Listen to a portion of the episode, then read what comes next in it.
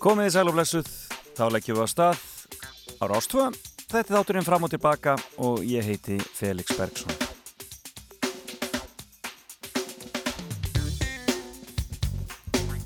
Dásanlegu morgun í höfuborginni og um, útleitt fyrir bara príðilegt veður í dag, minnst hérna á okkar svæði. Þannig að ég segi bara njótið þess að fara út og andaði ykkur ferskulofti. Það er að vísu búið að vera svona í ferskara lægi hjá okkur undanfarnar daga og e, súröfni verið á hraðferð en það er gott að fá sömarið svolítið aftur svona eins og þessa þessa mórnana. En það er mikið þáttur framöndan hjá mér, hjá mér er sérst kona sem ætlar að rappa við mig hér eftir smá stund. E, það er hún Aldabjörg Ólafsdóttir söngkona e, en hún já, er sá íslendingur sem hefur gert það hvað best á breska vinsaldalistanum og á í rauninu alveg ótrúlega merkilegan ferilað baki og framöndan, skulum við segja. Og hún ætlar að segja okkur hér aðeins frá því hér. Og við ætlum að fara í fimmu sem eru fimm lög frá ferli hennar. Og uh, við ætlum að heyra um nýja lífið sem að tengist vikingum og keltum og slíku, slíkum pælingum öllu saman. Og goðafræðinni, það verður gaman hér og eftir. Og svo ætla ég að ringja í hana Kristjónu Stefáns, það er önnur söngkona eftir nýju fréttunar og heyra hvernig það er búið að ganga hjá henni og Svavari Knúti á ferðinu um landið. Eins og þeir sem hlusta þennan þátt vita þá er þetta með að minna upp á að söngvara og tónlistamanna og e, e, þau eru frábær og frá, frábær sér hverju lægi en frábær líka saman og e, heyrum aðeins í Kristjónu hvað er eftir af turnum og hvernig þetta er búið að ganga allt. Held að séu tónleikar öruglega í kvöld, heyrum það betur og eftir. Og svo ætlum ég að ringi Amalisbað dagsins hér og eftir og við höldum því leindu þangu til eftir hver það verður og hver það er. En um, um, já, það kemur ljós hér eftir smástund en um, e, síðan ætlum við bara að spila skemmtilega tónlist og hafa það hugulegt almennt eins og alltaf hér á sundarsmótnum ég vona því séu komið kaffi í botlan e, veðurspáin svona víðast hverjan landið príðileg vísu ennþá e, daldið e, svona gullt, gular viðvaranir á aust, austasta hlutan landsins en það á að skána eftir því sem líður á daginn. Og þá verður þetta gott hjá okkur öllum Förum kannski betur í gegnum það hér og eftir og öruglega verður farið í gegnum það í fréttonum. Við skulum fá fyrsta lag dagsins og það tengist e, tímaflakkinu okkar Margreðar Blöndal sem við förum á setna í dag. Læðið frá 1959. Já, verður að gera flotta poptónlist þá. Og þá voru menn voða dugleir að taka ítölsku lögin sem að uh, tóku þátt í San Remo söngakefninni á Ítalíu og urðu þar með framlag Ítala í Eurovision og um, Eitt lagana sem vann þessa Sanremo keppni hétt Ciao Ciao Bambina og hver nema Haugur Mortens gaf það út á blötu það sama ár á Íslandi. Þetta er dásamlegt, við skulum byrja á ljúfum nótum með Haugur Mortens. Ciao Ciao Bambina. Hverfur burt ríkning, spór hennar burt mást Regbógans fallegur rendur ljóma Þó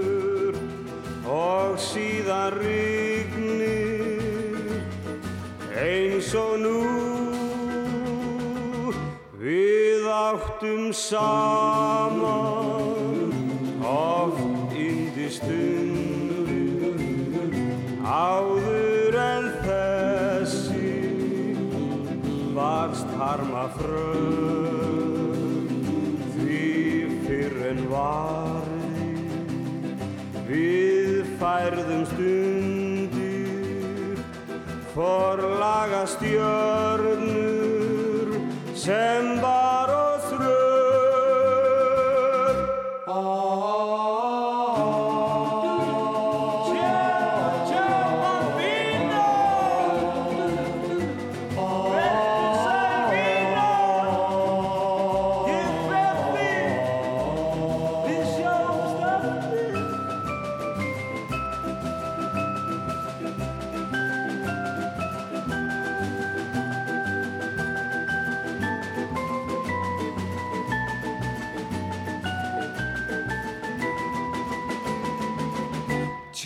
Ciao, bambina, þér vil ég segja, við þig að skilja, er mér mörg og ást mín til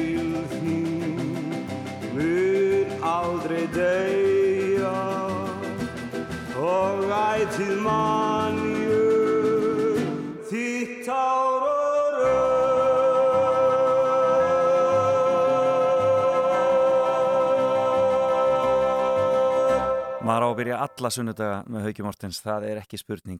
Tjá, tjá, bambína. Þetta var lag frá 1959 og það er akkurat eitt af þeim árum sem við förum í gegnum í tímaflakki með Bergssona Blöndal hér á Rástvö klukkan 3 í dag. 59, 69, 79 og 89 og ég lofa ykkur því að þar kennir margar grasa. En hér er hún sest hjá mér hún alltaf Ólafsdóttir, við ætlum að byrja að spjalla eftir eitt lag og það er jáfnfram fyrsta lagið í fimmunennar.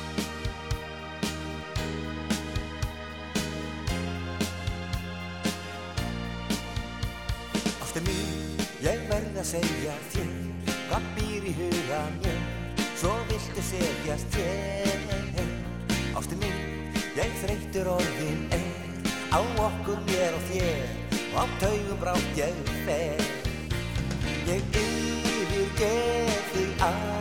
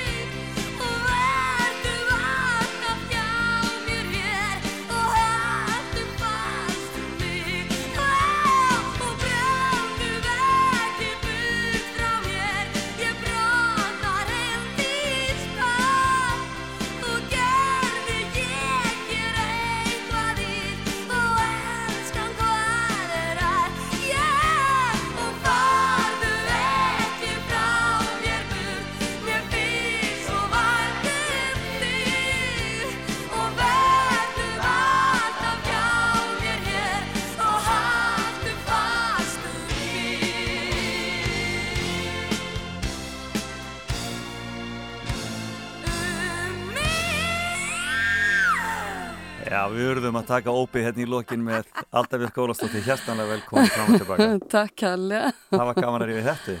Vá, ekkert smá sko. Ég var bara dillandi hérna, alveg bara dansandi. Búin að langt sem ég heyrti þetta. Ekki fann að heyra þetta lengi. Nei. Hvað var hún gömur þessi Aldabjörg þarna? Hvað? Ég var tut- tvítug. Já, Já, ég hef verið tvítug. Þegar ég var 21 þegar ég flutti til London. já, Svo þetta hefur verið bara árið áður. Já. já, einmitt. Mm En þarna ertu búin að vera að syngja heil lengi, sagður mér, e, aðalega í Svíþjóð. Já, ég byrjaði svona, ég var alltaf 17 ára þegar ég byrjaði sko. Já, Þá var ég, hérna, já, bjóð ég í Svíþjóð í Stokkólmi og ég ætlaði nú að vera lögfræðingu sko já, og, hérna, og ég var svo heppin vegna þess að ég, þegar ég fór í skóla í Svíþjóð þá var ein önnur íslensk stelpa í skólanum með mér, Ingi Björg og hérna hún var aðeins eldri, eitthvað sex mánuðum eldri en nógu mikið eldri að hún var í, hérna, í bekknum fyrir ofan mig. Já, svo þau, ég, þau letu mig í eitthvað svona próf til að sjá hvað ég kunni nú mikið þannig að þau vildu færa mig upp eitt bekk. Já, Svo ég þurfti að taka svona hérna próf í hérna reikningi og eitthvað svoleiðis skilur til að sjá hvort ég kunni nóg. Og það, og ég, mér tókst það svo þau færði mig upp heilan bekk þannig að ég geti, hérna, svo ég fó bara í tvö ár í staðin fyrir þrjú Já, já, já. svo þá hérna var það svona þegar ég var búið með þessu tvö ár þá ætlaði ég sko að fara inn í lögfræðina nema að ég ákvað að taka eitt ár í frí, bara í svona smá chill og svona, þú veist, Já. skemmta mér aðeins í eitt ár nema þá áttu þú veist, vini mínir áttu eitt ári viðbútt eftir í skólanum og svo leiðis. Svo þá var ég bara einmanna, svo ég sagði bara þetta er ógislega boring maður, hvað á ég að gera? Síðan var það sönguna sem heitir Carola Hegqvist, hún var einmitt í Eurovision Já, og þá var hún að syngja Fremling, vad döljer du för mig? og ég var búin að syngja svo mikið sem krakki bara svona, þú veist, í bílnum með mömmu og pappa þegar þau fóru rúndin og svona og Já. en mér dætt aldrei í huga að þetta væri eitthvað sem maður geti lifað á, Já. þetta er ekki vinna, þetta er bara eitthvað sem þú gerir ganni þá hvort ég sá hana. Og þá hugsaði ég bara, vá, maður getur faktist lifað á því að syngja. Svo þá ákveði ég bara, já, that's it ég ætla ekki að vera lögfræðingur lengur, ég ætla að vera sönguna Fjó, fórtu mömmu og pappa og bara veistu það, hérna, ég er búin að hérna, breyta um, sko, ég ætla ekki að vera lögfræðingur, ég ætla að vera sönguna og þau bara, ekkert með elska mér ef þú verið hamingi sem er það, þá bara gerur það Og hvað fórst að gera? og ég tók nokkra tíma, fór í þrjá mánuði fór ég hérna í söngtíma í Svíþjóð Já, já. Já, Gaia sem heitir Leo Lando sem var 157 ára aðeinslega karakter og síðan sótt ég mér þess að vinnu með hérna hljónsveit sem heitir Spectrum Showband og þau voru hérna búlgarísk hljónsveit sem voru að spila á hérna bátunum, hérna Silja Line og Viking Line skemmtifæraskipunum. Já, já, ferjóna sem fara á milli. nákvæmlega, já, nákvæmlega Það hefur nú verið hörgut jobb. Það var hörkut jobb og þetta maður, manni var bara hent út í allt í einu bara. þá var ég bara um professional sönguna að gera átta gig á viku. Já, vegna þess að við spiluðum sjötaga vikunar og tvö gig á sunnudum, það var svona matinei, einmitt. þrjú Já. og síðan balliðum kvöldi sko, á þessum skemmtverðarskipum. Já, Svo bara, það tók eitthvað svona, voru, ég var með þeim í eitt og allt ár og þá var ég bara búin líka, algjörlega bara Já, brunnin yfirum, já, gjörsanlega. bara börnátt á fyrsta ári. Já, það var svo leiðis. Þetta var bara æðislegu skóli. Þú færði ekki betri Nei, skóla því. sem ung söngkona. Það bara vá. Þeir eru bara hent inn í þetta svona deep end stæl sko. Svo þetta var, já, þetta var geðveiku skóli en það var líka nót til þess að það var mitt fyrsta svona burnout af svona fjórum í gegnum mynd En þá, kemur, en þá kemur heim, sem sagt, eða Mhm. fjölskyldan. Já, emmitt. Þá hérna, þegar ég var á skipinu þá ákvað mamma og pappi að flytja tilbaka til Íslands Já. Hver eru fóruðriðin? Svangvitt Erla Hlöfustóttir og Ólafur Þór Tryggvason. Já. Hvaðan, hvaðan af landinu er þetta fólk? Mamma var fætt í Koppóinum Já, og pappi í Reykjavík. já, já, þannig að þeir eru bara, bara höfuborgarbúar Já, eins, og, eins og best gerist. Þó að hérna standi í passanum hennar mömmu, hún var fætt á garði Já, og hún grætur alltaf þegar hún sér passa sinn. nú, Ekkert á móti fólki, fólki sem er fætt í garði en þetta böggar hana rosalega mikið. já, Þetta skulle standa í passanum hennar. já, að þetta er bara ekki rétt. Þetta er ekki rétt. En. Við tókum einnig, einmitt hérna, við vorum að fara að ringi við sýsturnar um daginn og hérna og þá vorum við að kæra fram hjá garði Já. og við erum endilega að taka mynd Mamma, við erum að leita húsinu sem þú fannst fætt, hvað er þetta? Nei, ekki eru glöð með það. En þú fórst bara beint inn í músíkina hérna heima þá um leiðu þú komst heim. Ekki alveg strax, vegna þess að út af þessu burnout dæmi, þá kom ég hérna og ég bara fekk mig vinnu Já, þegar ég kom hérna fyrst og ég vann hjá hérna kjötbúð Péturs, kjötbúri Já. Péturs á Já. laugaveginum, já, já, vann þar í sex mánuði, ég og sýstu mín akkurat. og hérna, En skemmtilegt. já og síðan ég man ekki alveg hvernig við Svenni Kjartans, ég man ekki alveg hvernig við hittum sko, en við byrjuðum einhverja hljónsveit í einhverjum bílskur einhver staðar og eitthvað svona Og Sveit Kjartansson alltaf bróði Sigur Jóns mm og Nákvæmlega. var mjög svona áberandi í íslensku tónlistarlifi, bassaleikari Já. á þessum tíma. já, einmitt En svo fáði síntóra Gretar Örvarsinni. Já, og síðan hafði Gretar samband og þá var hann með einhverja svona hljómsættapælingar og voru, var að gera eitthvað svona Já. og hérna, svo spurði okkur hvort við vildum ekki bara, þú veist, gera eitthvað saman. Svo við bara hafðum smá kaffefund og svona og ákveðum bara, jú, jú, við getum bara unnið saman og stopnum þessa litlu hljómsveit og, og mamma bara, þú veist, hún kom svona með og að ákveða hvað þessi hljómsveit átti að heita Já. Og hún kom með þetta fína nafn sem heit stjórnin. Þetta er æðislegt. Þannig að Aldabjörg Ólastóttir var fyrsta sönguna stjórnar hennar. já, já, Þetta ég var búin að gleyma þessu. já, já. Þetta er alltaf eitthvað sem, alltaf eitthvað sem að... Og hvað, þið hafið þá ekki starfað lengur en hvað, í eitt ára Nei, sem þetta- þessi, þessi, þessi, þetta band? nei, einmitt, við vorum sko á hérna Hótel Ísland. Já, síðan vorum við náttúrulega í hérna, hérna húsljónsvitin í hvað hétt þáttur þátturinn? Og hann var einmitt á stöðfö Já, hérna svona skemmti þáttur sem var svona í beitni gott, útsendingu man eða ekki hvað þátturinn heitir núna. Nú er mamma örgulega öskrandi bara Guðminn Almatur, Alda Björk, maður sé ekki hvað þátturinn heitir? Það er aðeins Já. eiginlega. Hvað, eitthvað, hérna, eitthvað, já, eitthvað, eitthvað. Já. En það var svona þáttur, skemmti þáttur í beitni útsendingu Já, eitthvað. nákvæmlega, já, lögata þáttur. ég og við eitthvað gerðum eitthvað, já, við gerðum eitthvað tvö lög í hverjum þættu eitthvað svona dæmi og síðan alltaf var maður í einhverjum svona Broadway sjóum, það var alls konar í gangi á Broadway og þannig vorum við í því og svona og Þannig að þú ert bara aftur farin að vinna alveg á fullu alveg á fullu og síðan alltaf kom Sverri Stónsker og hann Já, bjallaði mig gerist líka. það?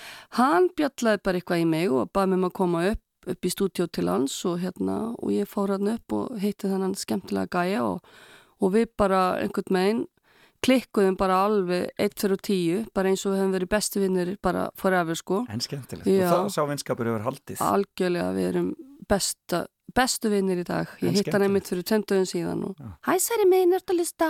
Já. Love you babe Æðis kengið. Já, já, Og það, og það lag verður svona, og það, ykkar samstarf, get, getur Já. þessi lög sem verða miklir hittarar. já ég söng nokkulega fyrir hann sko Já. en hérna náttúrulega Þetta er kannski stærsti svona, Já, stærsti hittar. Já, þetta var náttúrulega eitthvað, ég held að það var eitthvað topnum í 16 vikur eitthvað svoleið, sko, þetta var alveg rosalega vinsalt á þeim tíma, sko. En síðan verða tímamút Já, og það er nú kannski svona næsta lagið í fimmunni, ekki alveg strax samt, því að þú sem þetta ákveður að flytja til Breitlands, hvað verður til þess að þú ákveður að taka þau upp? Bara- Hvað, 21 árs? já, bara meika það í Bretlandi. Já, akkur ekki. Búin að taka. Svíþjóð og búin að taka Ísland, Já, nákvæmlega. Maður var bara svo fullur af metnaði, skilur, maður vildi bara, þú Og veist, orku rosalegri orku, sko. Maður var alveg bara ein, bara einn orku bolti. Svo mér, ég, ég held bara að mér hefði liðið eins og Ísland var svo, er svo lítið, sko, já, og það eru svo takmarkaði möguleikar, þú veist, já. að ég vildi bara eitthvað það sem að möguleikarnir voru bara miklu meiri og fleiri og, og svoleiðis. Það er bara, þó þótt ég þekkt ekki ræðu í Bretlandi, Já, Það það, er svona, náttúrulega alltaf stórt, veist, það, er mikið skref að fara og þekk ekki neitt því að þetta Já. er náttúrulega ótrúlegur svona hákarla markaður. já, rosalega, en þú veist hvernig þegar maður er ungur og svona, þá maður heldur maður að maður getur allt Já, og þú veist, það er ekkert sem getur stoppa mann og maður náttúrulega er ekki trættur og svona, það Já. bara, já, lát, láta bara vaða. Þú veist, þetta reddast. og hvernig er það að hafa í þú á þarna fyrstu, fyrstu mánuðin í Breitlandi? Það var bara, ég, mér, ég hitti bara fyrrandi eiginmanni minn bara rosalega snemma. Í þá daga var hérna blað sem heitir Melody Maker Já, einmitt. og þar voru tónlistafólk auglisti þar til að leita hvert öðru skilur og hann var með auglýsingu, hann var að leita söngkonu og ég svaraði þessu og fór í eitthvað svona, einhverja svona pröfu og svo leiðis og, og við bara ákveðum að vinna saman og urðum ástfangin og síðan giftum okkur Já, og hérna allur hér. pakkin sko Hva, hvað heitir hann? Malcolm, Já, Malcolm Meyer eða hans hérna, tónlistanafni Malcolm Meyer og eftirnafnið hans er Whittaker svo ég varð Mrs. Whittaker og þú varst Mrs. Whittaker. En hvað ferðu þá að vinna sem Alda Björk alltaf í Breitlandi eða, Nei, eða nei, Alda Ólafsdóttir? þetta var, það voru alls konar hljónsveitir í gangi, ein, ein hétt Exodus, ein hétt Urban K-Loud, við vorum þá með rappara og Ok, þú veist við fórum gegnum, í gegnum svona alls konar hérna svona, svona late 80s, Já, early 90s svona, já. þarna, við vorum með, þú veist, prófuðum alls konar svona, þú veist, tónlistastefnur og svoleiði sem Já. okkur fannst skemmtilegt og svona og Og við fengum hérna plötusamninga, við vorum með plötusamning með Jive Records og Sam, Samba Music Publishing og svona þú veist. Já. Svo það var hitt og þetta sem skeiði áður en síðan. Já, já. En hvenar ákveður síðan að fara sóló og, og hérna? Það bara skeiði einhvern með svona náttúrulega skilur, þú Já. veist, hljónsutin bara splundraðist og svona báðar hljónsutinnar eða allar réttar heldur, Já. þrjára, fjórar. þú veist, eitthvað svona. Já, eitthvað gekk á. Já, svo þetta endaði bara þannig að þú veist að ég og Malcolm bara ákveðum að stefnan er því bara ég einn, ekki einu sinni vegna þess að hann er ekki svo típa að vilja vera í einhverju svona, þú veist, fronti hann vil bara alltaf vera bakvið sviði, skilur Einmitt. svo það, að þetta, við vorum svolítið svona roxett stæl Já, skiluru, einmitt. þetta var svoleið á sko. þeim tíma. Já, nákvæmlega. En hvernig kemur Real Good Time út? Það kom út 1998, águst 1998. Já, þannig að það er liðin hansi langur tími þarna sem þú ert búin að vera úti. Er algjörlega. En alltaf svona, en þið hefði ekki lapið döðin og skeld, alveg, þú hefði alveg getað unnið. Ég vann bara, ég söng Já. bara á pöppum og klubbum bara Ah. Non-stop sko. Og kendi líka, ég var mikið í að kenna Já, söng og svoleiðis og þetta var, við vorum bara rosalega busy í þessu öllu, já, já. rifjum upp Real Good Time. Já. Þetta er gamla útgáðan, ekki þessi nýja. Sometimes, someplace,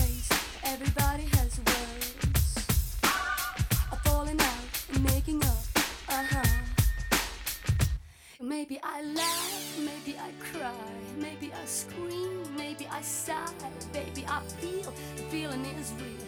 Maybe I curse, maybe I squeal, but I enjoy making some noise, fooling around, listening to the sound, believing I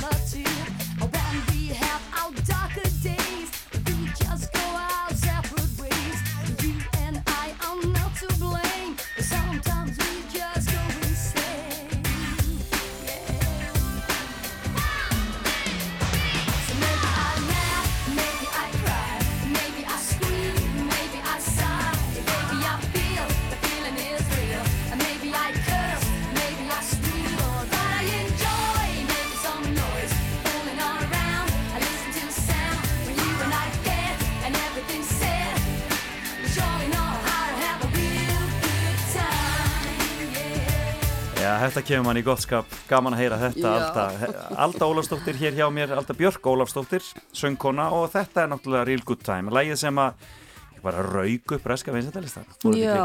Hvað fór þetta hæst? Þetta fór sko nummer sjö sem Já. var svolítið mikið synd vegna þess að þau voru alltaf að draga hælana, plötufyrirtækið. Já, Svo þetta var í raun, þetta var í svo opbóðsleiri spilun plötufyrirtæki sem ég var hérna með hétt hérna Wildstar Records og með eigundur af þessu plötufyrirtæki var Capital Radio Já. sem er náttúrulega næst staðsta eftir BBC staðsta útáskeðan á landinu já, Svo að þeir eiga sko eitthvað um 150 útastöður um allt land já, og þetta lag var spilað í hel sumari 1998 og var nota líka í, til að auglýsa hérna heimsmeistarakeppnuna í fókbalta alveg rétt 1998 ég man og svo leið sko. Svo þetta var spilað til dauða sko. Já.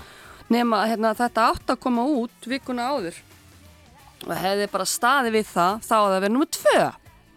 En vegna þess að fólk hann svo þreytt á þessu og bara, veist, svo þetta var svolítið synd okkur þegar bara held ekki þeirra stefnu sem þið áttu Já. allir að gera. Akkurat, en þannig að endaði í sjönda sæti Já, endaði En þetta og var gríðarlega vinsat og lag sem allir Já. þekkja og allir þekki í Breitlandi og Já, svoleiðis, sko. algjörlega. Það er svona lagið frá hélt- þessu sumri sko. Já, fólk held alltaf, það kom til mér að segja, já, þú syngur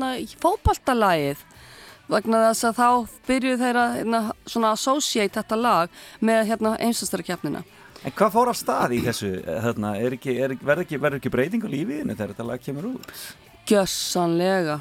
Það var ár þarna sem var klikkað ár.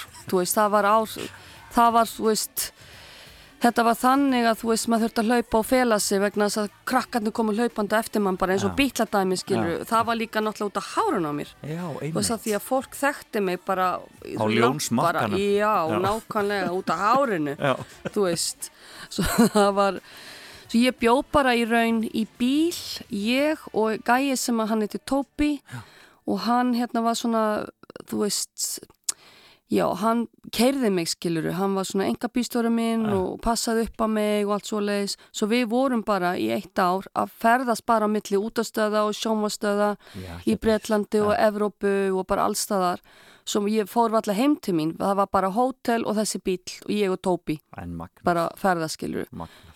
En það, sko, málið bara það þegar maður lendir í svona að allt skeður svo rosalega hratt Já. maður er í raun ekkert að lifa í mómentinu Nei, þú veist, allt í hennu bara síðan setna mér þá fattar maður, vá, þetta var nú geðveiki skilur, en þetta er allt svo hratt. Þú upplifir ekki tækifærin sjálf svona þegar þetta er að Nei, gerast. nei. Og maður, þú veist, og maður líka annar hluti sem maður gerir, gerist það er það að maður heldur bara þetta er núna, þetta verður núna svona, alltaf, þú veist maður heldur bara, maður fattar ekki alveg þú verður að hérna að taka þessi moment og svo leiðis og Já. bæði að njóta þess og muna eftir þeim vel og þú veist og svona vegna þess að þetta, maður fattar ekki að þetta er kannski bara mjög mjög stutt Akkurat, í þeirn lífi sem þetta verður svona akkurat. þú veist, Já. síðan allt náttúrulega það bara búið bara ha, hvað skeiði? Og bara, bara bröðstríti tekur aftur við. Já, algjörlega En hvað, en varstu komið fjölskyldu þarna þessum tíma eða svoleiðis eða? sko, ég var, náttúrulega ég og Malcolm við giftum okkur einmitt. Já, og við áttum hérna tvo stóra hunda og þrjá ketti Já, akkurat, sem þurfti nú að sinna. Já, en hérna með börn og svoleiðis við bara, við paldum aldrei í því Nei. Við vorum svo ofsalega mikið bara tónlistin var okkar allt og við vorum bara gift tónlistinni líka þeir voru bara í þessu. Gjössanlega, svo það var ekki eins og rætt, Nei. þú veist, það var engin tími og engin vilji til hendi heldur sko, veist, þetta var bara svolítið, þetta var bara okkar líf, Magnað. þetta var bara svolítið. Svoleiðis var það. Já, Þannig að, en um, þú, þú gefur út annað lag hérna eh, sem kemur hérna í kjölfarið. já, gölsnar átt, Akkurat, og það nær, heilmiklum árangri líka. já, algjörlega, það seldi ekki alveg jafn mikið ríkutam en nánast, Já, en það fór, það endaði sko í númið 20, þetta kom út jólavíkuna, sem satt vikuna fyrir jólin. þannig að það hefur nú verið hans er bara ágætt Já, algjörlega, mjög gott Þannig sko. að 98 er þitt ár svolítið þarna. Já, og síðan náttúrulega sko platan, stóra platan, þessi hérna tvö lög náttúrulega voru á einni stóri plötu sem heit. Out of Alda Já, og málið er bara það að þetta er svolítið svona löng og leðileg saga en þetta er allt með hérna samninga að gera. akkurat. Svo stóra platan kom aldrei út í Breitlandi. Ég trúi þér ekki. Já, þannig að stóra tækifærið í því. Já, það verður ekki. út, nei. Og hún átti að koma út þessi jólin eða Já, þessi, þetta fyrir þessi átt jól. að koma en að því að samningarnir vegna þess að þetta er svona, þetta er svolítið fullett en þú veist, pældi ég að þessi lög komi út áður en ég var faktist búin að skrifa undir Já. samningin Já, og lögfræðingar voru að rífast sína milli, milli mín. Og þetta var ekki eins og plötu fyrirtæki, þetta var hérna svona production fyrirtæki, þeir sem borguðu fyrir upptökurnar á plötunni. Já. skilur Já. og hérna, og ég var búin að skrifa undir svona pappi sem segir ég skal skrifa undir samningin Já. þegar okkur tekst að semja. Já, en okkur tókst aldrei að semja. Svo ég skrifaði aldrei undir. Hérna ekki. svo þeir stoppuðu stóru plötuna kom út Og þannig að þar var fullt af lögum sem að Já, fullt fengu af- þá aldrei að líta dagsins ljós. nákvæmlega, það er bara svo leis Ó, hvað er pyrrandi. Svona getur þetta gerst. En þetta var hins vegar sko, þetta er ein manneska, getur ímyndaðir hvað þetta er sárt að ein manneska hefur svona mikið vald yfir þínu lífi Já. og hérna, svo, þú veist, En þetta er, þetta er svona saga sem maður er búin að heyra ansi oft frá mm Mhm. tónlistamönnum. Maður er bara búin að lesa núna eins og Elton John og, og þessa, þessa, þessa kalla alla saman. Mhm. Og það er allir að lendi í vesinni Já. með, með útgáfi Græðgi. Já, þetta er bara svona geðveik græðki hjá sömu fólki. Veist, eru ekki, það er ekki nóg fyrir þá að fá einhverja svona prósendu, þeir, þeir, þeir þurfa að eiga þig. já, er að Þetta, allt. Þetta er próblem, þess vegna gæti ég ekki skrifað undir þennan samning vegna þess að í þessum samningi þá myndi ég gefa honum réttin á nafninu mínu Alda. Sem þýðir það að ég mátti ekki gera neitt undir mínu eigin nafni. Ég hefði skilið að þetta verið einhvers konar svona eins og í gömlu daga. Þá var hérna agentiðinn sem að bjóð til eitthvað svona þú veist, í staðin fyrir Norma Jean Baker þá Já. ertu Marilyn Monroe. Akkurat. þú veist og svoleiðis, þá get ég skilið það. En þetta er nafn sem að fóreldra mín gáða mér. Ég, þetta er nafn, já, já, amma mín heitir Alda, ég var skýrði í höfuð á ömmu minni. Á hann alltinu þá bara eiga nafni mitt? Ég bara, ég gat ekki skrifað undir þetta. Þú veist, allt annað, ok en ég gat ekki gefa hann nafni mitt og hann gat ekki left mér að eiga nafni mitt Hér er næsta lag á listanum. Það er My Beautiful Valentine. Eða að byrja þess að heyra. gerum það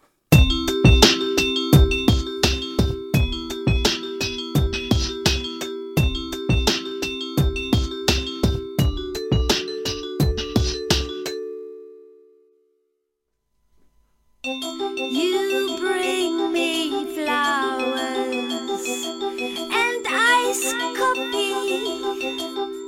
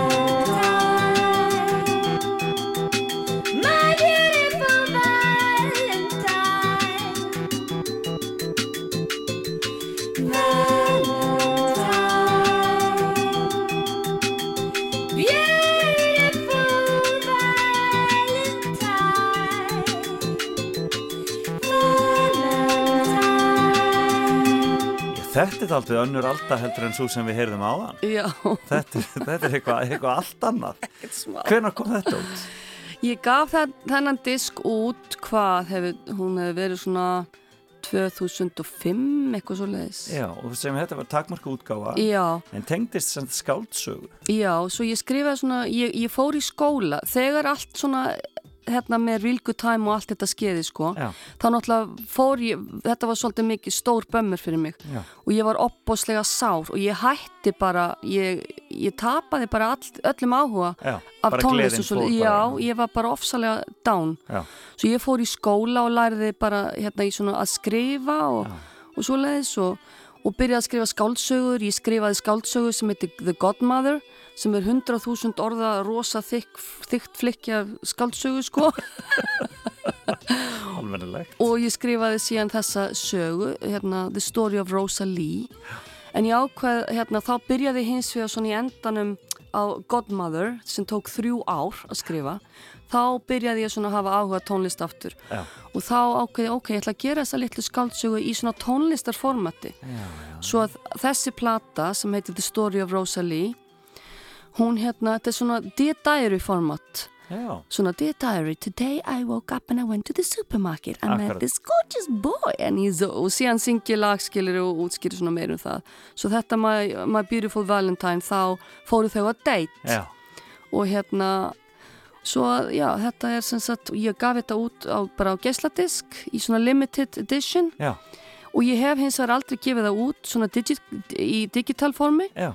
en ég ætla að fara að gera það núna. Svo er hérna, já, svona næstu aðeins að hérna plugga nýju plötunum minni svona næstu mánuðum en síðan um Einmitt. leið og það svona byrjað að taka enda, þá gef ég þetta út á, í downloads þá getur fólk hérna, þá kannski kem ég aftur í heimsöktuðin Já, endilega. Já, það er, að- sko, það er að nóa efni greinlega. nóg sem að- En, hvernig, en, en, en, en þetta með skriftirnar, ég, það hefur ykkur áhuga minn. Hvernig, varstu alltaf að skrifa eða hafður alltaf áhuga Já, já, algjörlega, alltaf að skrifa einhver svona litla sögur og byrjaði að skrifa, ég, átti, ég skrifaði hérna litla sögur sem heitir Sam Sam the Doggy Man ég átti risastóran hvítan sjefferhund sem leit, leit út eins og hérna pólar hérna björn. Já, hérna, snjóbjörn, ísbjörn meiri segja, pólar, ísbjörn, snjóbjörn einhver, hvítu björn Þetta allavega. þetta kemur fyrir rest.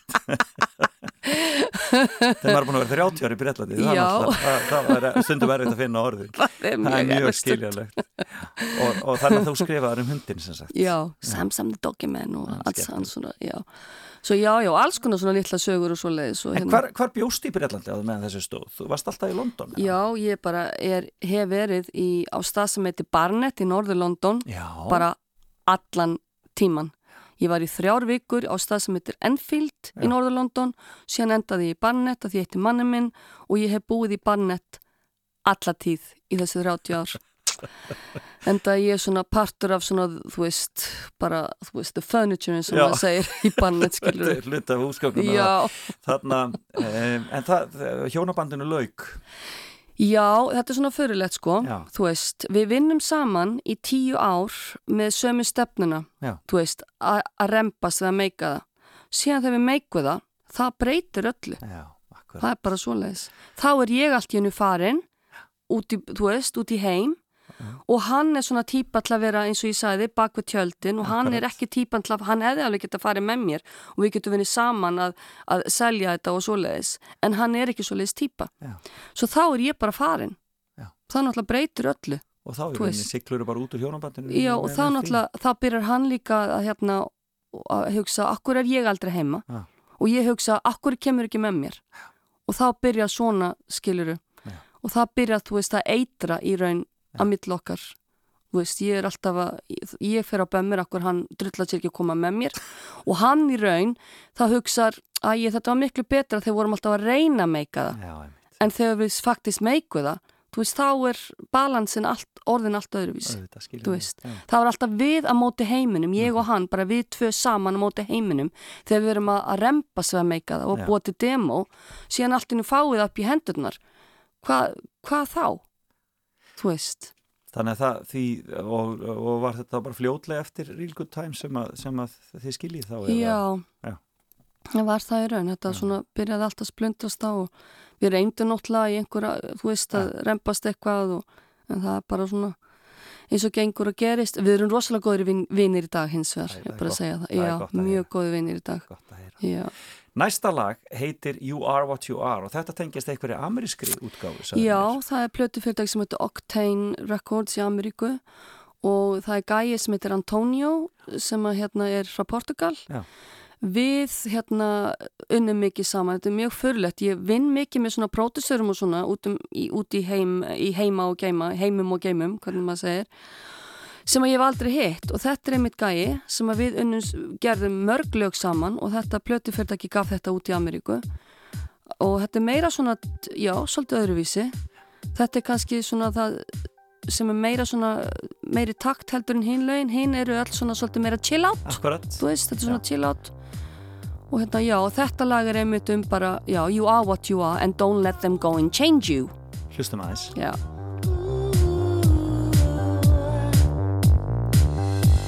You are what you are.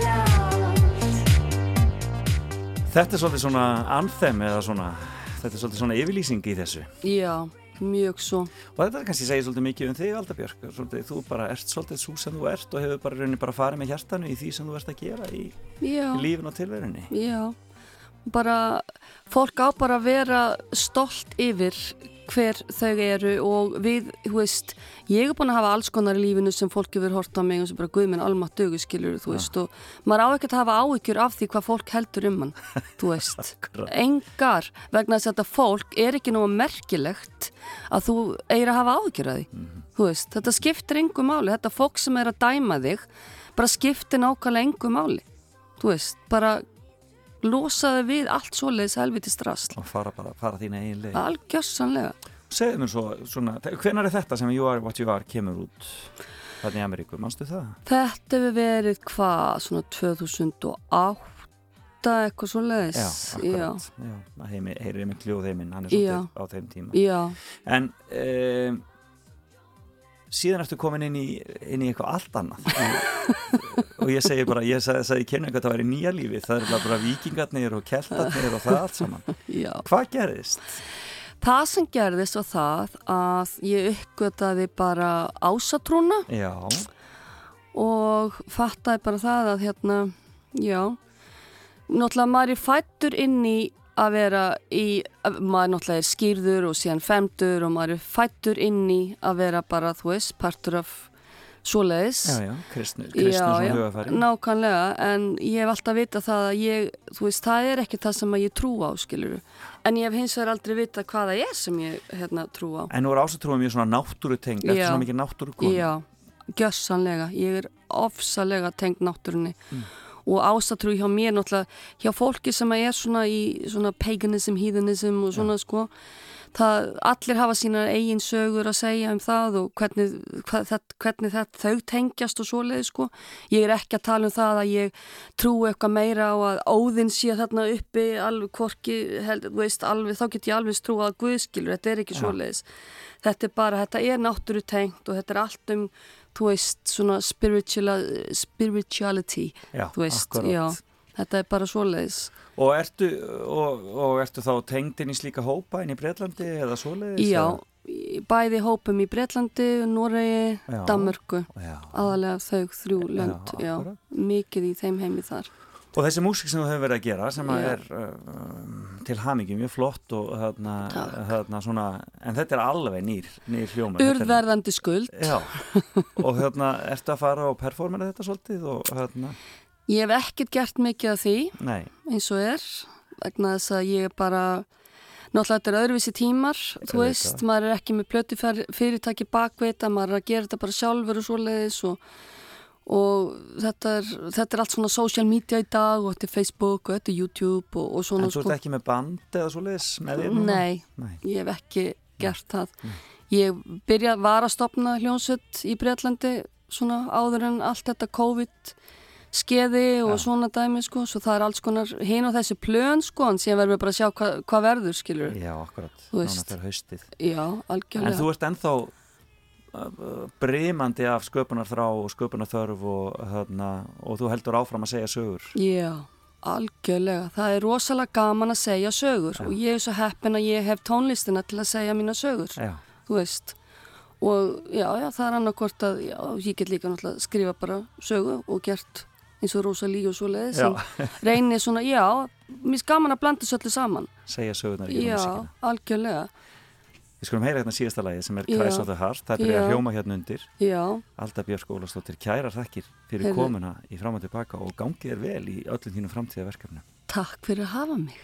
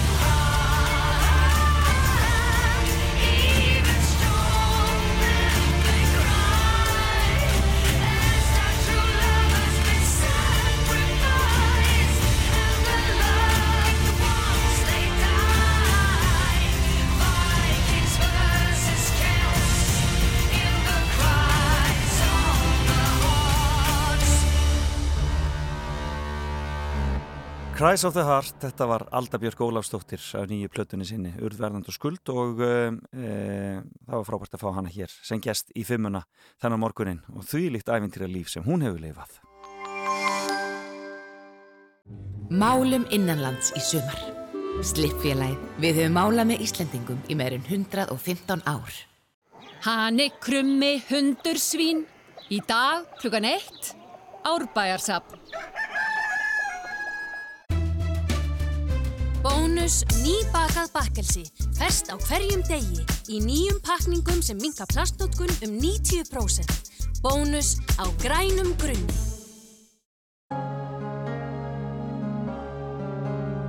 Sunnudagssæla á Rástfö. Fram og tilbaka.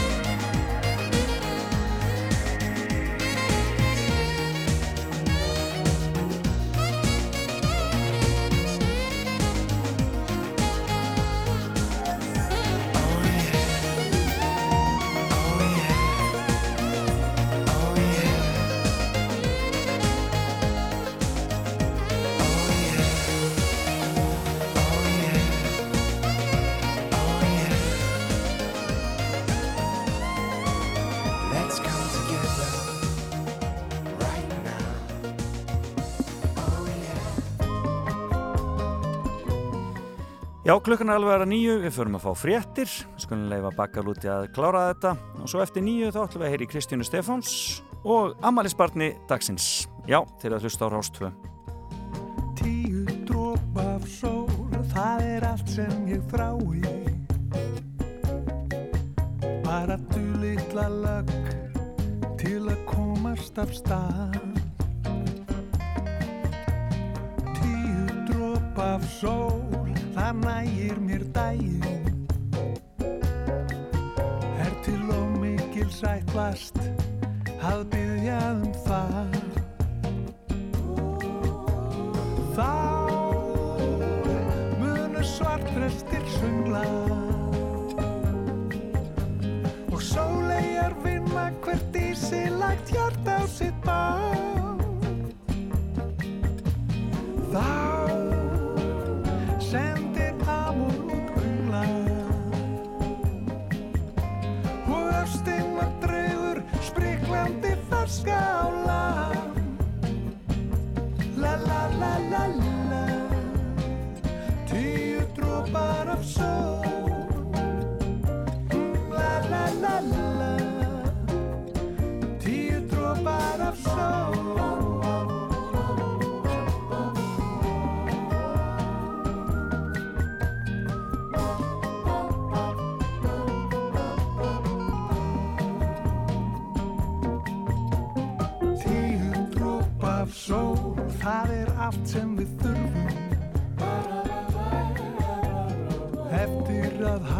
í vætu og vindkviðum þvæl Bara tíu dróp af sól Það ætti að næ okkur öllum. Er það í alvöru til of mikil smart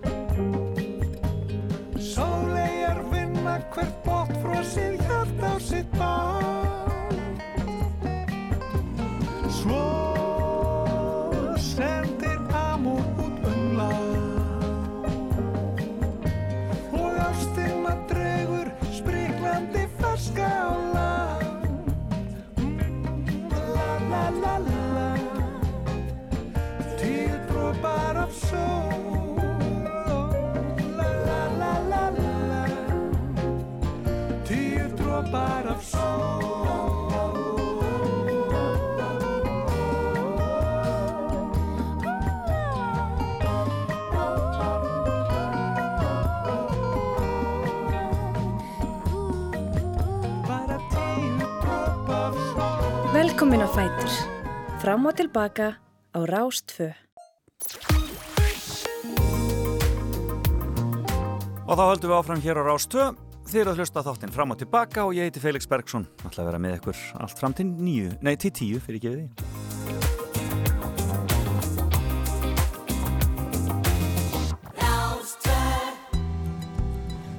Byrjum hér á buffinu eftir nýju fréttinnar, engin nema þú. Þetta er frábært. Lítið sár en lífið heldur áfram Lítið bros og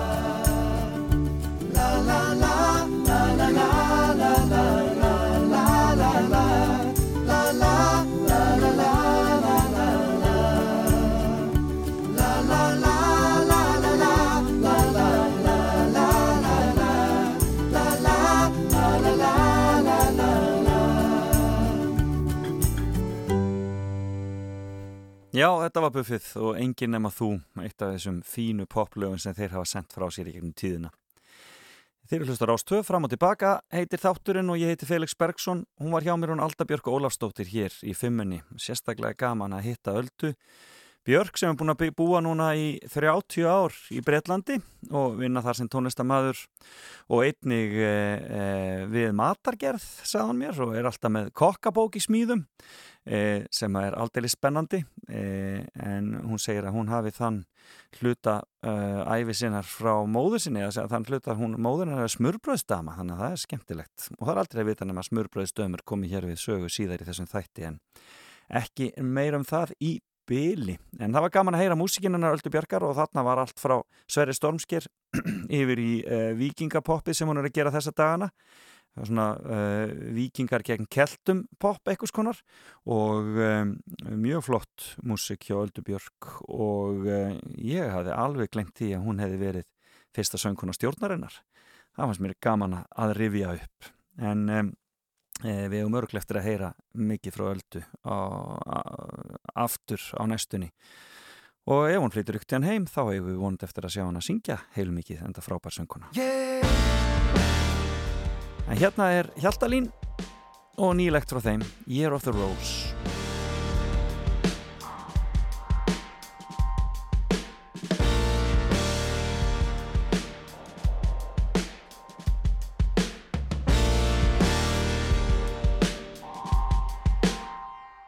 These were the days in the year of the rose. We were fools, just as history Wrapped up in sheets of cloud. It was a game, far above the ground.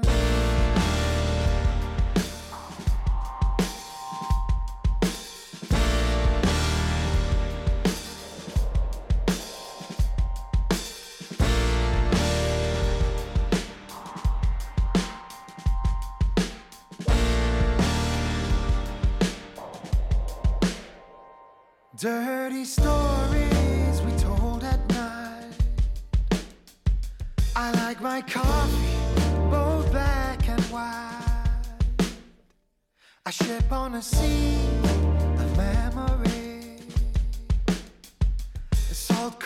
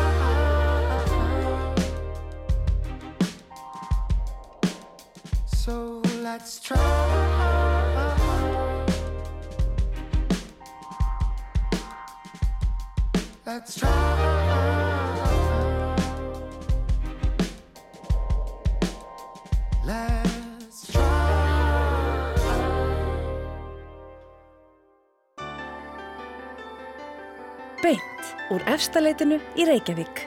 Fram og tilbaka á Rástfö.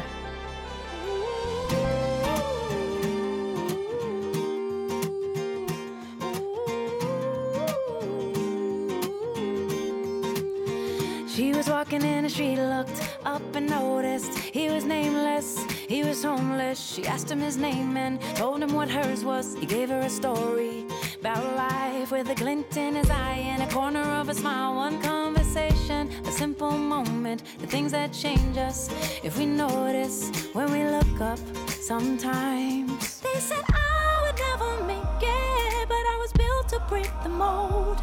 The only dream that I've been chasing is my own. So I sing a song for the hustlers trading at the bus stop. Single mothers waiting on a check to come.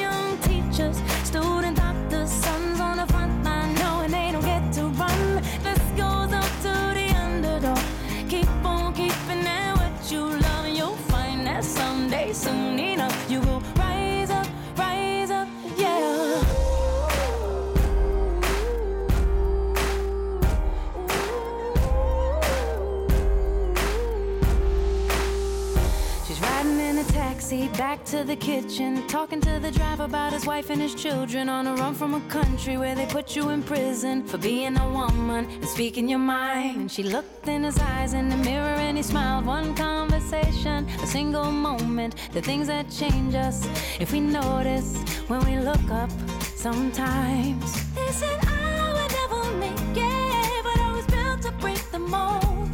The only dream that I've been chasing is my song for the hustlers trading at the bus stop. Single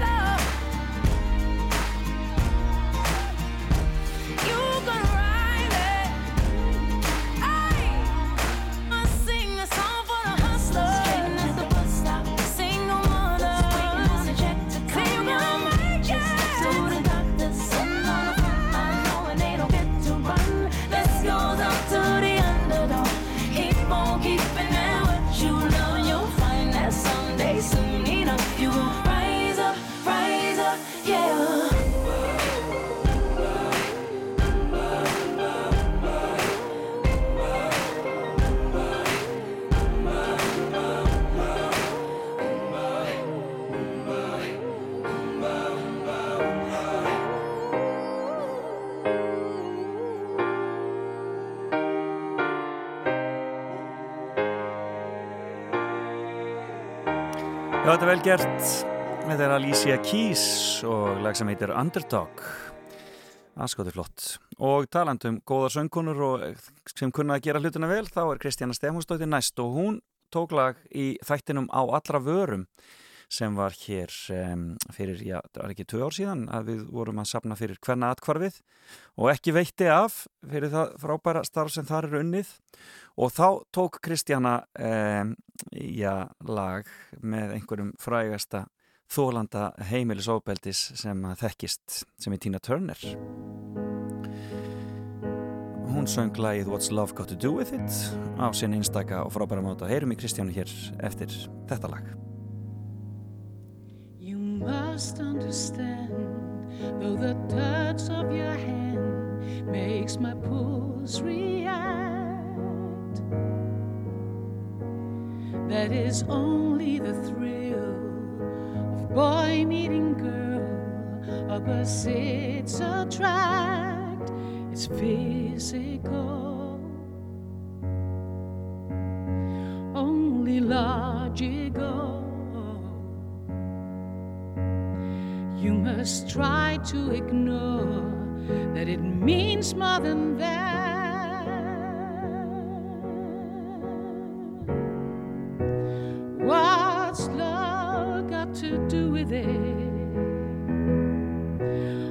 What's love got to do with it? What's love got to do, got to do with it? Who needs a heart when a heart can be? Broken.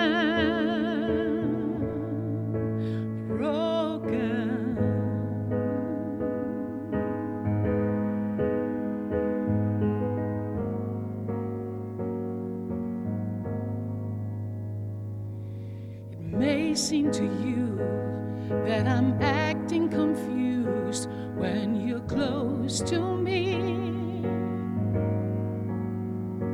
If I tend to look dazed, I've read it someplace. I got cause to be. There's a name for it. There's a phrase that fits. Whatever the reason, you do it for me.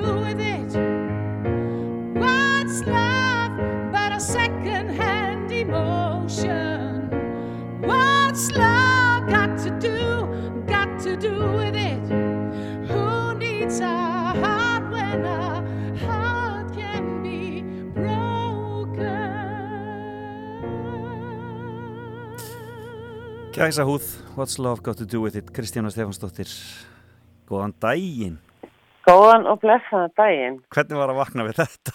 Þetta var skemmtilegt, ég haf bara, ef ekki heilt þetta síðan um árið. Já, þetta er gaman að gera þetta Gaman að nálgast þetta lag á þennan máta í rauninni sem þennan e, trega söng sem þetta í rauninni er Já, og svolítið gaman, eiginlega fótt tækifæri til þess. Já, þetta var eiginlega bón, ég var beðin um að, akkurat að gera þetta. Þannig að ég settist niður og, og reynda að finna eitthvað út úr því. Já, að- finna þína leið að því Já, Og þú spilaði sjálf á píanóið og allt, meiri séð þarna já, ég satt að og spilaði. Ég Já. þetta endaði einhvern veginn þannig því það, ég fann ekki að með mér til að spila. Þannig að þetta einhvern veginn bara þróast. Já, Stundum akkurat. Bara. Svona Já. er þetta svona Mm Hvað segir hvernig gekk hjá okkur í gerkvöldi, ykkur? Heyrðu, það gekk rosa vel. Það var, er alltaf hrikalega gaman að koma í skirgerðina. Já, þið voru í hverja gerði, hverja gerði í gæðir Hvergerði, svo skemmtilegt hús. Já, það er æðislegt hús Og kvöldi þar á undan, já, líka. Það voru í Eyvindartungu sem er bær bara við hérna lögavatn. Já, það er gamalt fjárhús sem búið að upp, gera upp og það bara er með skemmtilegri húsum sem komið í lengi. er ekki bara... dásalega hvað fólk er að gera mikið út um all land í þessum efnum það er bara að verða til tónleikastæðir hér og þar og allstaðar Já, það, það er pínu unik, sko. Er, og bara, mér eins og Svafa segir alltaf, þú veist, maður heimsækir ekki hús sem er heimsækir verstana, maður, veist, maður, Já, maður ræðir það sem að er tekið vel á móti manni Já. og, og hérna, og þetta er bara búið að vera, sko, búið að ganga vonum framar, maður náttúrulega vissi ekki í rauninni, maður kannski rennir svolítið blind í þegar að þetta ástand er búið að vera eins og það er COVID og allt Já, þetta, þannig að. Uh, en þetta er búið að ganga miklu betur heldur en við byggumst við. Þannig að við erum bara rosa, rosa glöð með Já. það. og eins og ég segi, sko, það er eins og þessi húsi og svolítið svona byggði í kringum ykkur tvö þið þurfið ekki mikið plás en þið þurfið svona kannski svona utanumhald og þú veist og svona kósi heit alveg bara nákvæmlega. Mm. Veist, erum með það litla yfirbyggingu, erum bara með gítar, ukulele og lítið píano. Já. Þannig að Akkurat. það er bara fullkomið, sko. Og hvað er það að taka á túrnu núna? Hvað hafið þið verið að, hvaða músík er það að spila? Sko, við erum, sérst, við vorum að gefa nýja plötu Já, og erum í rauninni bara svolítið að fara í gegnum hana. Við erum að taka, það eru faðmla, fað, faðmlögin. já, faðmlögin.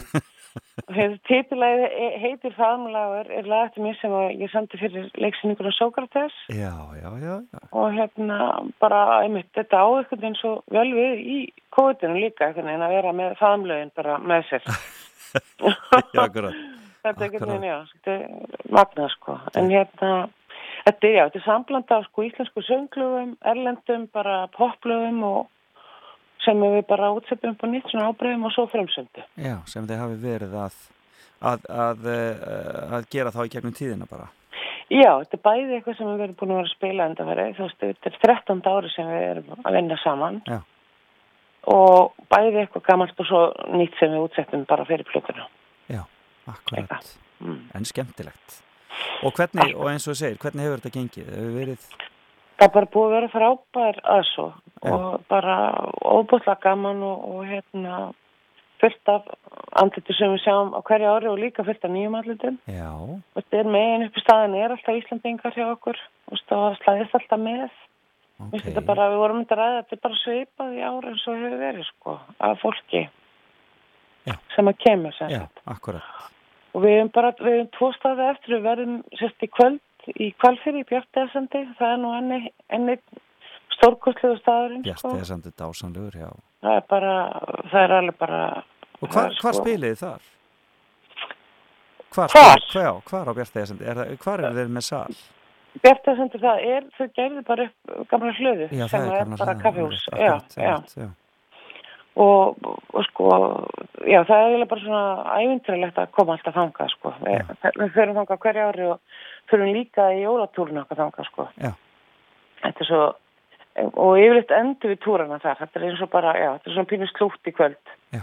En svo eigum við eina svona eftir, þetta er svona nánast eins og, hérna, örverfi, er hann eitt sem kemur í næstu, í næstu viku á fimmtudaginn, allavega skjótast norður og, og hérna, spila á græna Já, það verður nú, verður nú að heimsækja haug í svona... Já. Ha, það er nú gæna hægt.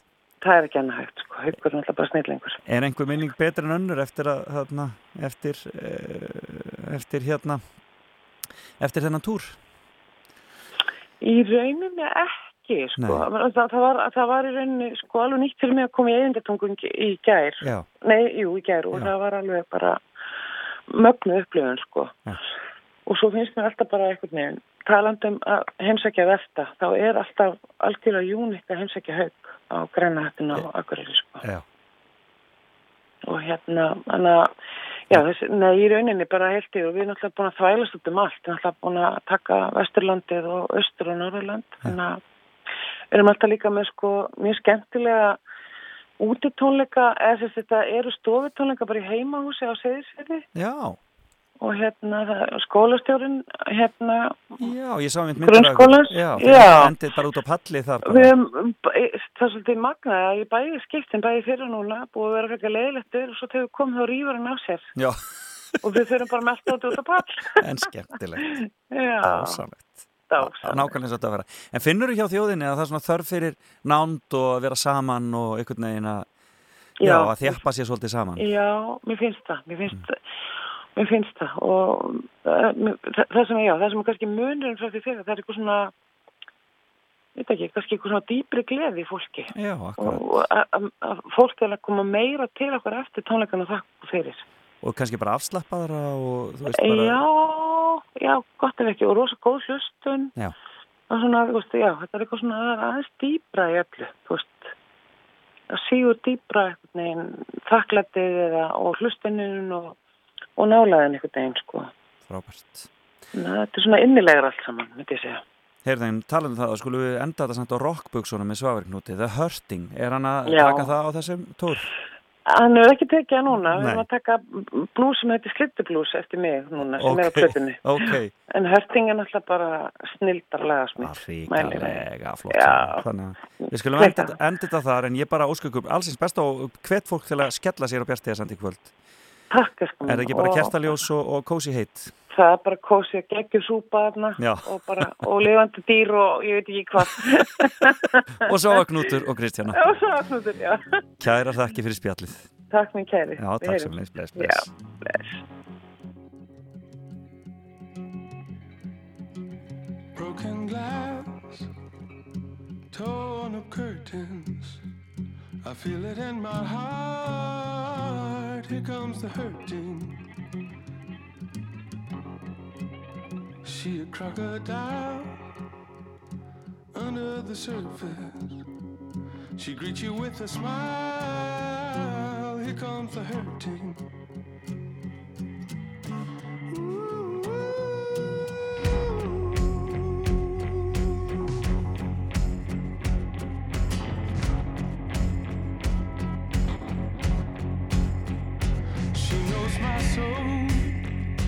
She knows its troubles.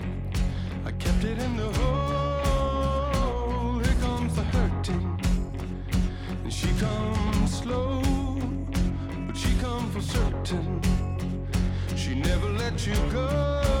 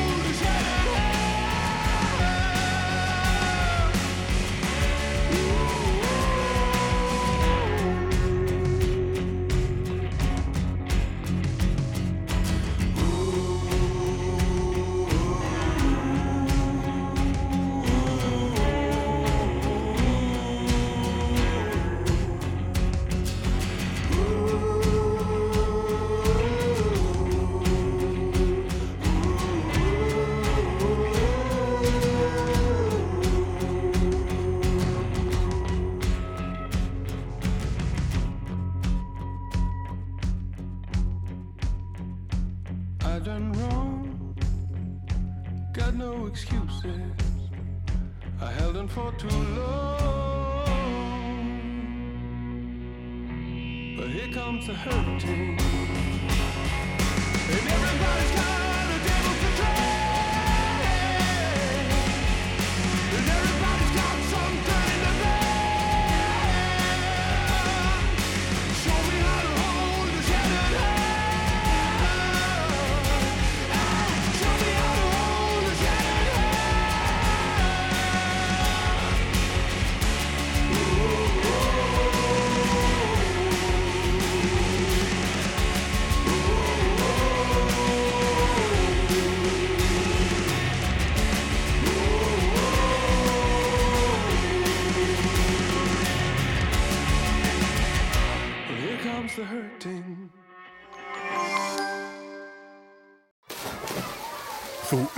upplifir sömarsæluna í sundi hjá okkur á Vesturlandi. Skelltu þér í sund. Sundlaug Stikkilsholms, sundlaugin Ólafsvík, sundlaugin Húsafelli og sundlaugin á laugum í Sælingsdal Dalabygð. Þú finnur allar laugar landsins á sundlaugar.is. Á Rúf í kvöld, klukkan 19.40 Sumarlandin, klukkan 20.15 Löfandir fjölskyldan, klukkan 21.15 Íslensk bíósumar Eitur í æðum, klukkan 22.10 Senur úr hjónabandi úr smiðju Ingmars Bergmann. Þú ert að hlusta á Fram og Tilbaka með Felix Bergsinni á Rástfö.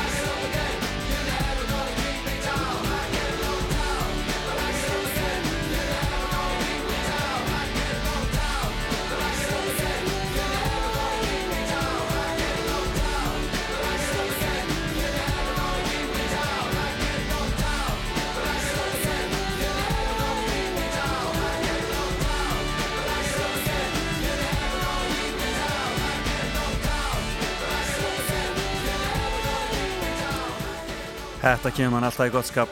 Sub Thumping, þetta eru Chumba Wamba og um, já, við má ekki segja að þau séu svona one hit wonder, svona einsmellungs, uh, uh, já, undraverk eitthvað skonar. Þetta er eini smellurinn þeirra og, en hann er skemmtilegur, það vantar ekki. E, mikið dagur framöndan hjá okkur á Rástöð eins og alltaf á sunnudöfum. Jón Ólafsson kemur kl. 10 og uh, eigurar um akra tónlistarinnar létt stígur að vanda. Svo fáum við sumarsögurnar sem hann Jakob Birgisson sér um hjá okkur í sumar. Þær eru hér eftir háttegið og svo fyrir við á tímaflakk við Bergson og Blöndal klukkan þrjú og ætlum að fara til árana 59, 69, 79 og 89 eins og áður sagði og eins og segir hér í kynningu, við heyrum að kynferðis áhuga Billy Graham árið 1969, Dauða Diskosins árið 1979 og Lindu P. í El Salvador 1989. En við byrjum 1959 og þá mátti lesa í alltíðublaðina yfirvöldi í Noregi líst eftir ská skátaflokki Þýskum sem hafði skilið 14 ára meðlum í flokknum eftir. Jájá, þetta verður skemmtilegt í tímaflakki klukkan þrjú í dag. Og svo er það geimt en ekki glemt, þeir frábæri þættir. Allir Má Steinarsson allar að setjast niður með meðlumum Kvarashi, Sölva Blöndal og Höskuldi Ólafsinni og ræða plötuna Jinx. Já, ekki missa því, það verður klukkan fjögur í dag. Svo er það aldamóta poppararnir, þarna milli frétta og undiraldan og sportarásin í kvöld. Já, nóg í gangi ferlega skemmtilegt og verið með okkur áfram hér á Rástöðu. Hérna eftir smástund hætti að ringja í afmælisbarn dagsins en byrjum á að heyra í Gós. Þau eru á ferðinni, e, voru, að, e, voru á Flateiri held ég öruglega í gerðkvöldi að, að skemmta og ég man ekkert hvað þau verið í kvöld en það er alveg á reynu að þið sem eru á þeim slóðum eru það fylgjast vel með. Skal tjekka á því en hérna taka þau sína stórkoslu útgáfu. Eitt lag enn og það er gaman að segja frá því að þetta, já, segjum betur frásættir þess. Með þér verð ég eins og vera ber alveg trilltur kemst í takt við þig. Þú tælir mig. Ég fer eftir því sem auðar sér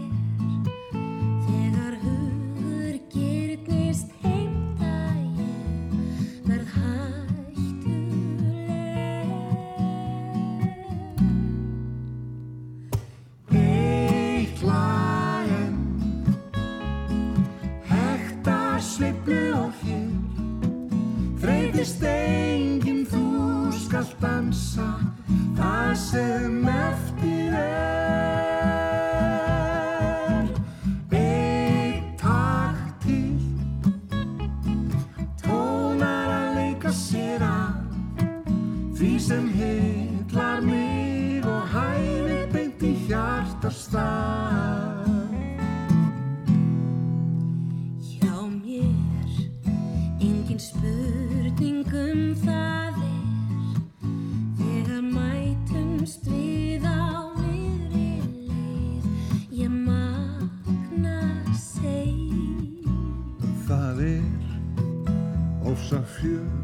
sem fylgir þér svo ef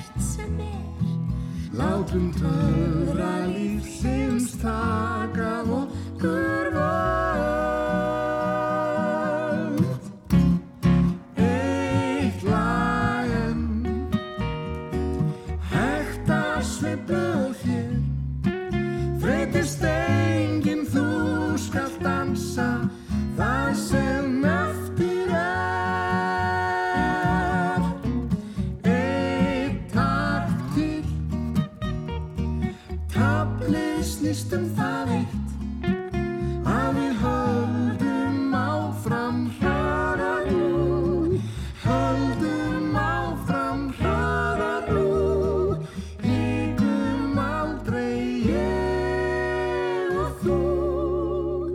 Við eitt. Já, já.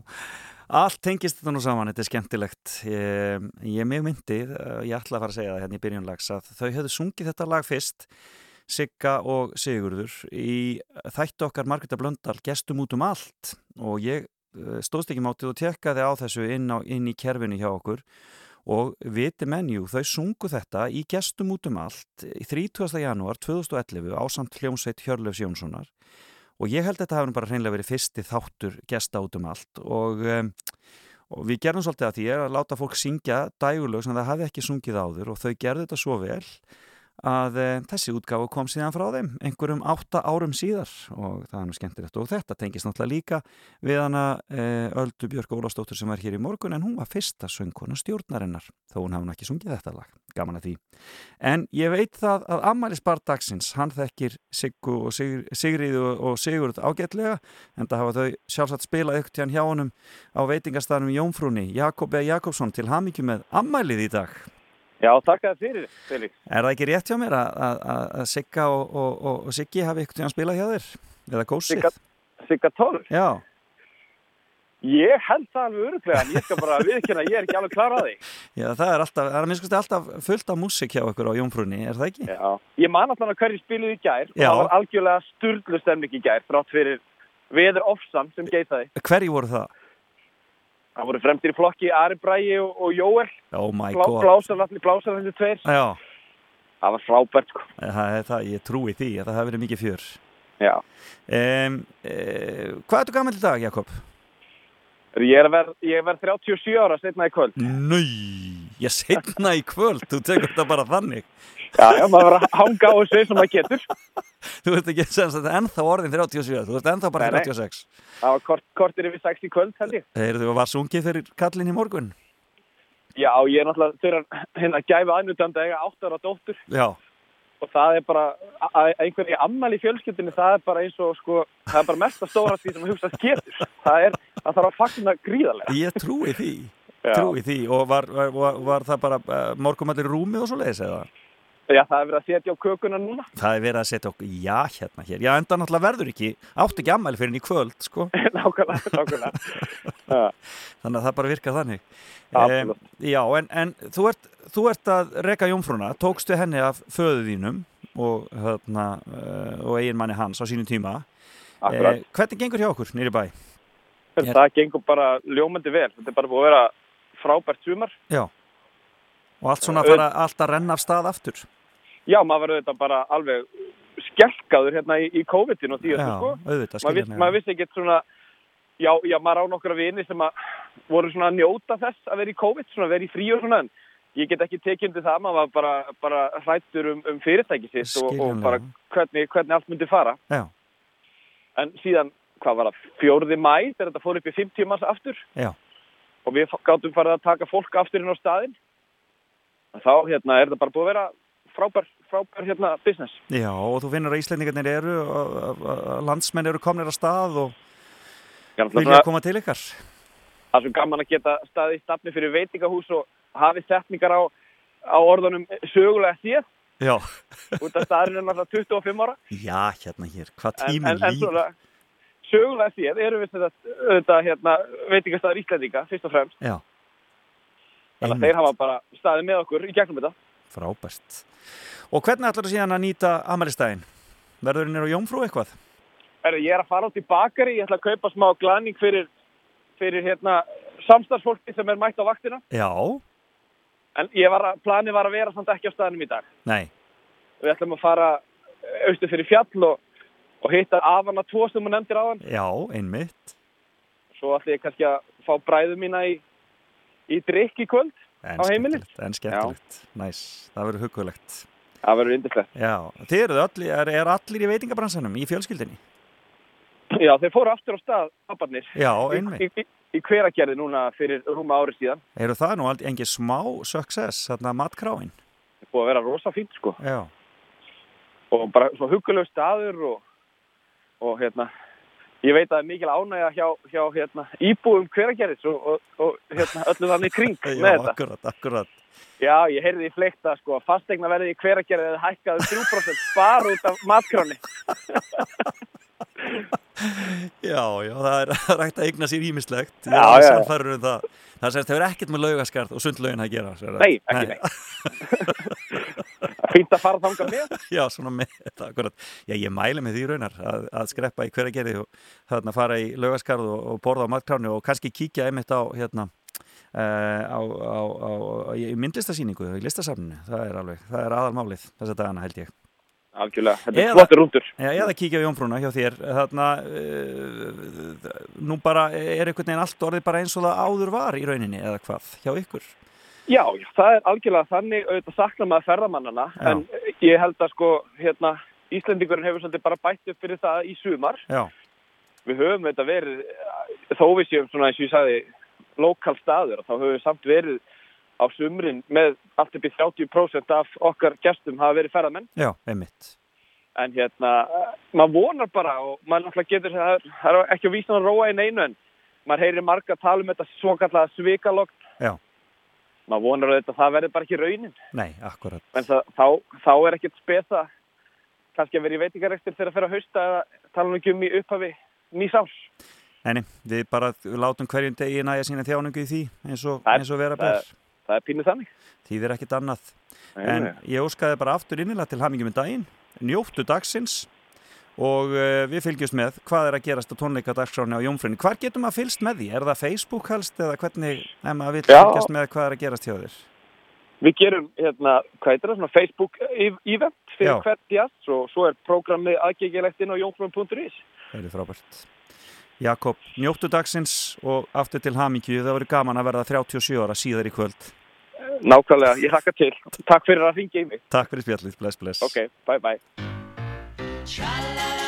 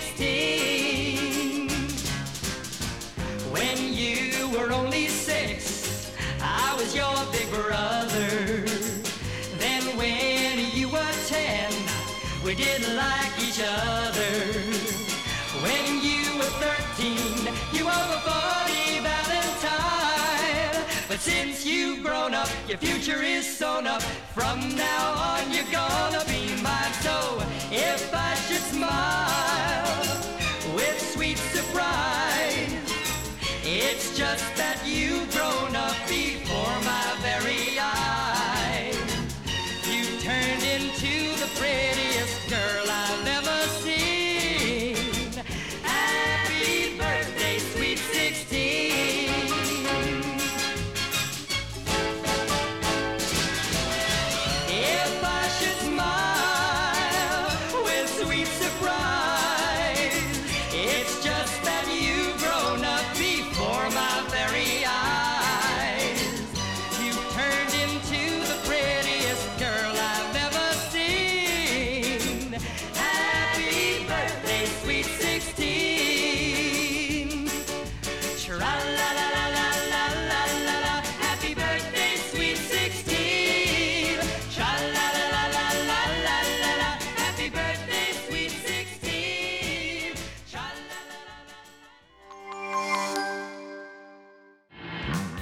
ferðalag framundan? Vantar útilegusett, kælibóks, ferðagrill eða útiluktir? Komdu þá við í Báhás og græjaðu ferðalagið í einni ferð.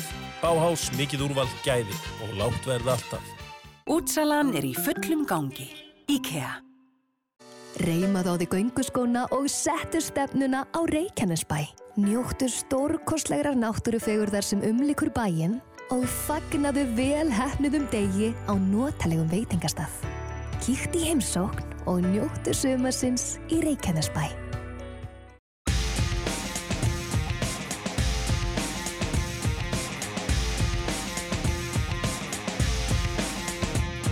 Í dag, sunnudag, klukkan fjögur, heldur geimtin ekki glemt áfram þar sem að ég, Alli Már Steinarsson, ætla að setjast niður með Sölva Blöndal og Höskuldi Ólafsinni og fara yfir plötuna Jinx.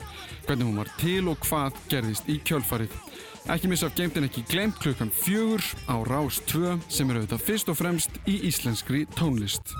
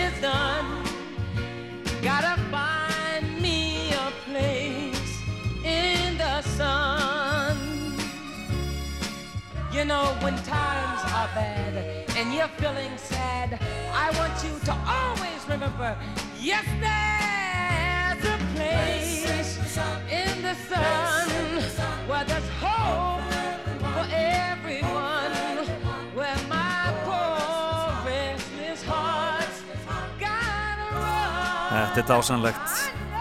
Stevie Wonder þarna og A Place in the Sun. En er ekki komið tíma smá Eurovision? Hérna er lag sem að e, er frá 19, eh, 2018. Þetta er hljómsveit sem kallar sig Equinox og sungu fyrir Búlgaríu og söngur hann þar einn Johnny Manuel er að gera það rosalega gott núna í Voice þáttunum í Ástralíu er komin í úrslit þar og það er æsi spennandi en það frábær söngvar á ferð Heyrum Bones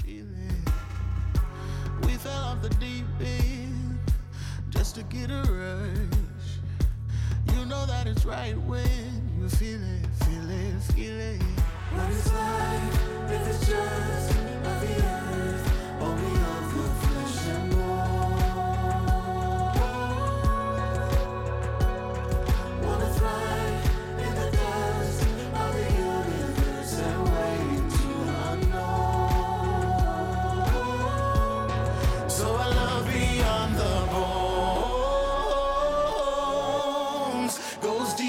inside your soul.